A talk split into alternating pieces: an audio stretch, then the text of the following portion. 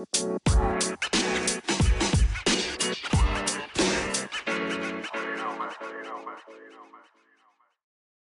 hey, super tof dat je luistert naar een nieuwe aflevering van de Positief met Pubers podcast. Mijn naam is Janneke en dagelijks beantwoord ik allerlei vragen via mail en DM van ouders die struggelen met dingen in de opvoeding van hun puber. Ik beantwoord deze vragen en in de podcast behandel ik elke aflevering een vraag met jou. Ik geef je mijn visie en ik neem je mee in mijn dagelijks leven. Mocht je dat nog niet gedaan hebben, abonneer je dan op deze podcast, zodat je geen aflevering meer mist. En als je deze podcast tof vindt, geef het dan zoveel mogelijk sterren of een positieve review. Hoe meer positieve reviews, hoe meer platforms als Spotify en Apple Podcasts deze podcast gaan aanbevelen aan andere ouders die deze podcast nog niet kennen. Daardoor kan ik groeien met deze podcast. Maar wat ik nog belangrijker vind, daardoor kan ik nog meer ouders bereiken die met soortgelijke struggles zitten als dat jij misschien zit. Je zou me enorm plezier mee doen. Dus dank je wel alvast. En nu gaan we gauw beginnen. Yes, super tof dat je weer luistert naar een nieuwe aflevering van de Positief met Pupers podcast.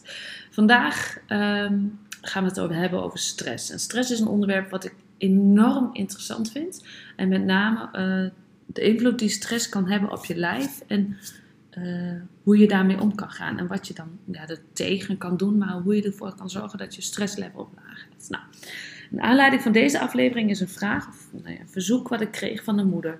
Ze maakte zich enorm druk over haar dochter die na de vakantie start met haar examens. En haar dochter ervaart um, veel druk en stress en dat, dat speelt al enige tijd, gaf deze moeder aan. En ze heeft er ook al enige tijd slecht van. De misselijkheidsklachten, vermoeidheidsklachten die, eigenlijk niet medisch te verklaren zijn, maar ook spugen op piekmomenten.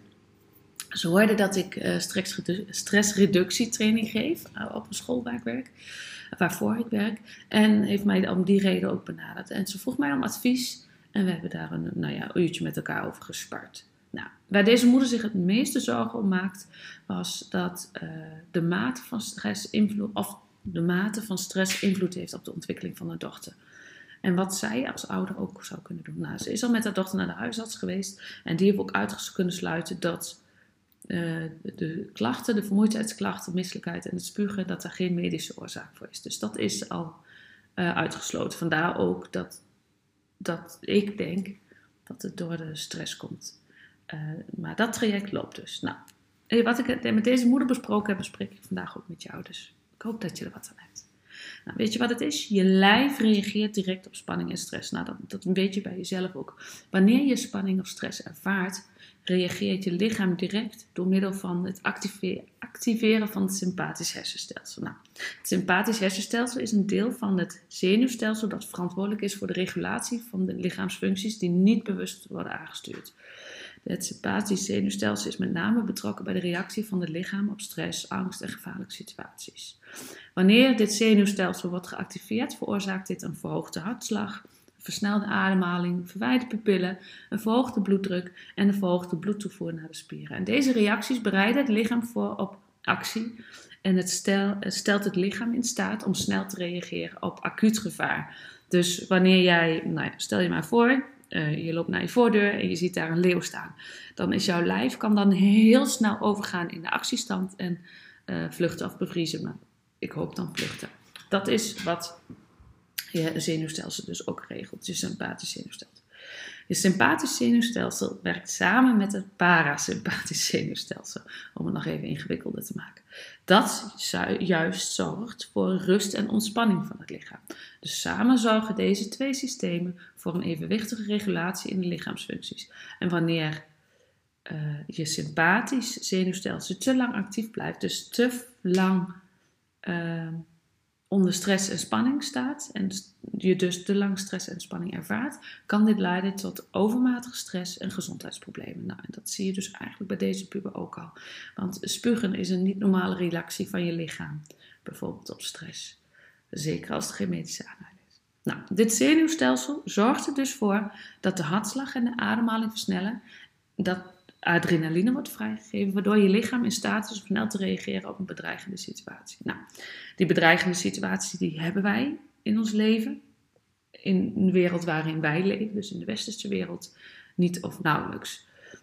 Daarentegen is het uit het verleden, uit de oertijd en de jaren daarna natuurlijk wel regelmatig zo geweest dat er bedreigende situaties waren waardoor ons zenuwstelsel zo moet reageren. Nou, daarnaast, los van dit stuk dus, kunnen er ook fysieke reacties optreden, zoals spierspanningen, zweten, verhoogde bloeddruk, maar ook misselijkheid en spugen. En wanneer deze reacties langdurig aanhouden, kan dit schadelijk zijn voor de gezondheid en kan het bijvoorbeeld leiden tot in het extreme een verminderd immuunsysteem of hart- en vaatziekten.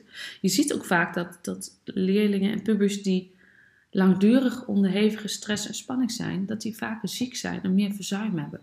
En daarom is het belangrijk om stress te verminderen en te zorgen voor voldoende ontspanning en rust. En dat is niet makkelijk.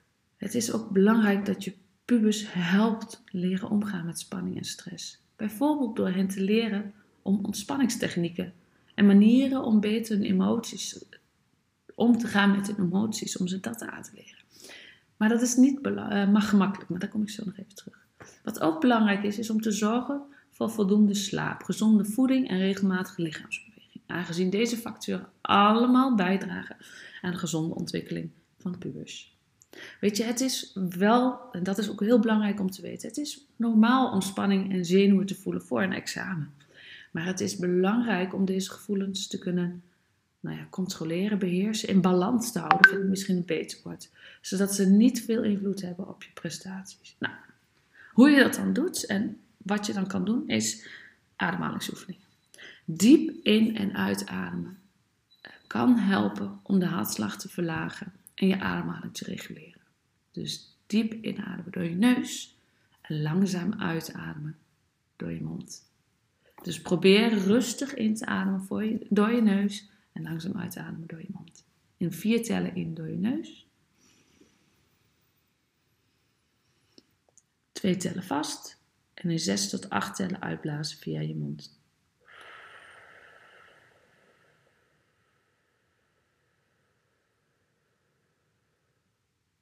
Doe dit zes keer. En dit kan je ook aan je puber meegeven om dit tijdens een examen te doen. Bijvoorbeeld als ze een blackout hebben. Weet je, het kost je anderhalf minuut, hooguit twee minuten van je tijd. Tijd die je waarschijnlijk, nog, eh, en waarschijnlijk nog wel veel meer, kwijt bent aan stress of piekeren. Dus Geef je puber mee. Doe dit ook samen met je puber. Dit is wat ik eigenlijk, als ik merk dat pubers stress hebben, is eigenlijk het eerste wat ik doe. Kom, laten we samen even een ademhalingsoefening doen. Ik doe dat dan, zoals net, op overdreven hard, zodat zij het minder awkward vinden. Want dat is vaak toch wel in het begin dat ze dat zo ervaren. Maar ga eens zes keer in vier tellen in door je neus, twee tellen vasthouden en zes tot acht tellen uitblazen. Via je mond, alsof je door een rietje blaast. En dan zul je merken dat het rustiger Dus dat is één. De tweede is ontspanningsoefeningen. Ontspanningsoefeningen helpen je om je, hele lijf tot rust te brengen. Dat doet ademhaling ook, maar ontspanningsoefeningen ook. Bijvoorbeeld uh, uh, yoga of mediteren. Of kijk wat, wat voor jou prettig is. En, en dit kan je helpen om de spanning in het lichaam te verminderen. Wat, ook altijd, wat ik ook altijd aanraad, of wat ik ook doe als ik uh, een leerling heb met stress of die erg aan het piekeren zijn, is, is naar buiten gaan en een wandeling maken. En dan juist uh, praten over dingen die niets te maken hebben met school. Dus dingen waar ze blij van worden, dingen die, die ze energie geven uh, op die manier. Maar wat je dan gaat doen, en dat is ook een tip, is je gaat positief denken. Dus je gaat proberen positief te denken uh, en je puber aan te moedigen of de, jezelf aan te moedigen.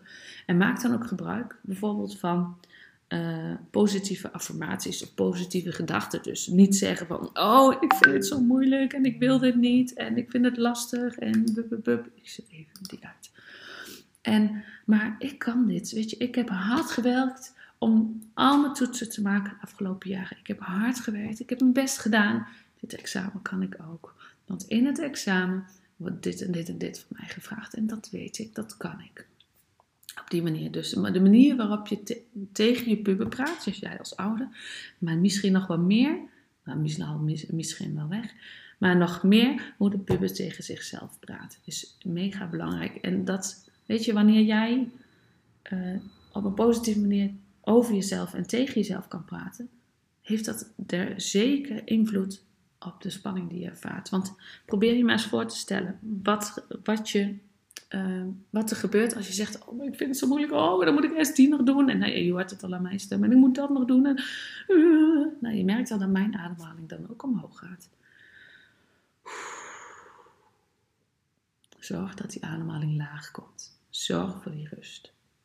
Dus ademhalingsoefeningen, ontspanningsoefeningen, anders denken, dus positief denken, maar ook slaap. Pubers hebben, ook al vinden ze zelf van niet, veel slaap nodig. Gemiddeld zo'n 8, 9 uur per nacht. Het is daarom belangrijk om een regelmatig slaapritme aan te houden en te zorgen voor een goede slaaphygiëne. Dus het vermijden van cafeïne en schermen voor het slapen gaan. Wat ik dan ook bij pubers vaak zeg die veel stress ervaren of die uh, burn-out gerelateerde klachten hebben, ontspanning, overspannen zijn. Ik vraag ze vaak, oké, maar tot wanneer ben jij bezig met school? Of tot wanneer uh, heb jij je mobiel bij je? Zorg ervoor dat je mobiel gebruikt, ja, het liefst zo lang mogelijk voor het slapen gaan, maar minimaal een half uur, het liefst nog een uur. Uh, geen beeldscherm meer. Televisie vind ik dan nog net weer wat anders, maar probeer enige tijd voor het slapen gaan geen mobiel meer aan te hebben. Ook, hetzelfde geldt ook voor het werken aan school. Stop een uur voordat je gaat slapen met school.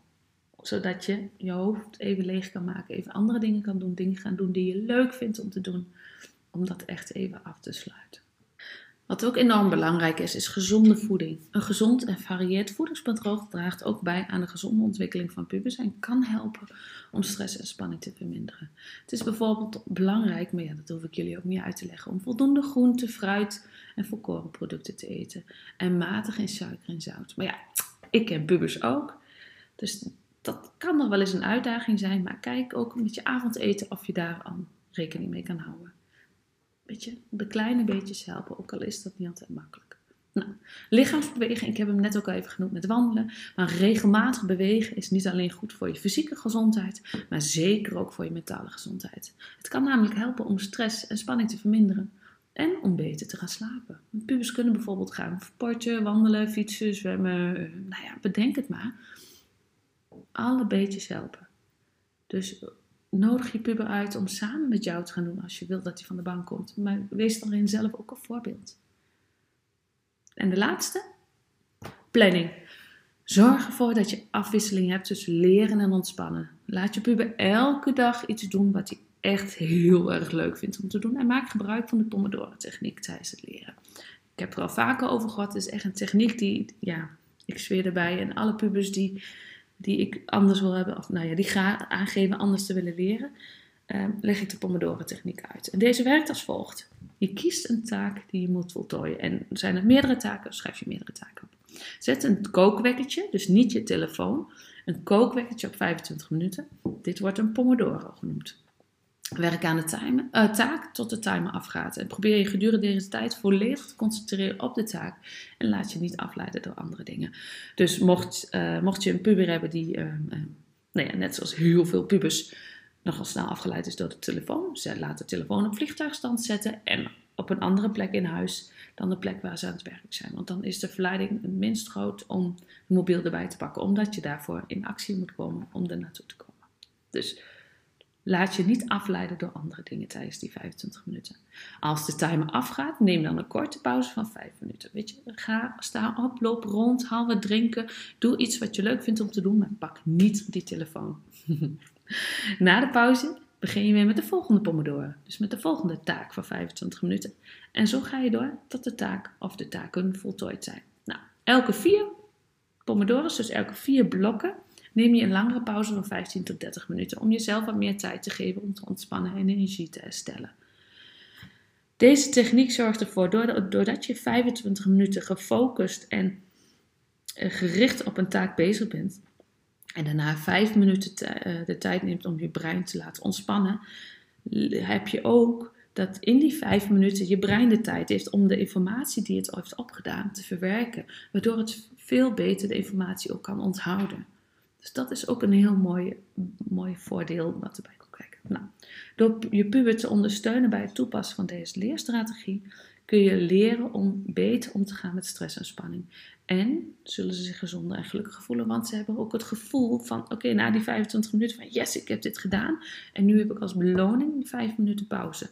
Wanneer je dat ook op die manier zo benoemt, zal je merken dat de dopamine wordt aangemaakt. En dopamine is ons motivatiestofje. Dus blijf dat, uh, blijf dat dan ook stimuleren.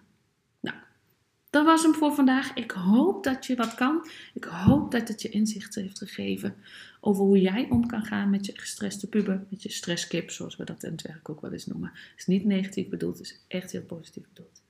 Mocht je zelf een keer willen sparren, net zoals deze moeder, plan dan een afspraak in via de link in mijn show notes. Dan, weet je, dan kan ik je gewoon heel gericht advies geven in een half uurtje tijd. Ik hoop dat deze aflevering je inzicht heeft gegeven. Mocht je willen reageren of zelf suggesties hebben voor de podcast, kan dat natuurlijk. Zoek me even op op Insta of stuur me even een mailtje. Wanneer je deze podcast waardevol vond, deel hem dan in je stories en tag me dan. Ik zie alles en ik deel ook heel veel en ik ben ontiegelijk dankbaar. Is dat Nederlands? Nee, ik ben je ontzettend dankbaar als je dat doet. Maar op een andere manier met iemand delen die er wat aan heeft, mag natuurlijk ook. Want op die manier wordt de podcast steeds groter, bereik ik steeds meer mensen, bereiken wij steeds meer mensen samen. Waardoor we nog meer ouders kunnen helpen door deze lastige tijd die de puberteit heeft. Maar met name, en daar gaat het mij om, kunnen we nog meer pubers helpen een leukere puberteit te bezorgen. Want dat is wat ik elke puber gun. Dankjewel voor het luisteren en tot de volgende keer. Thank you.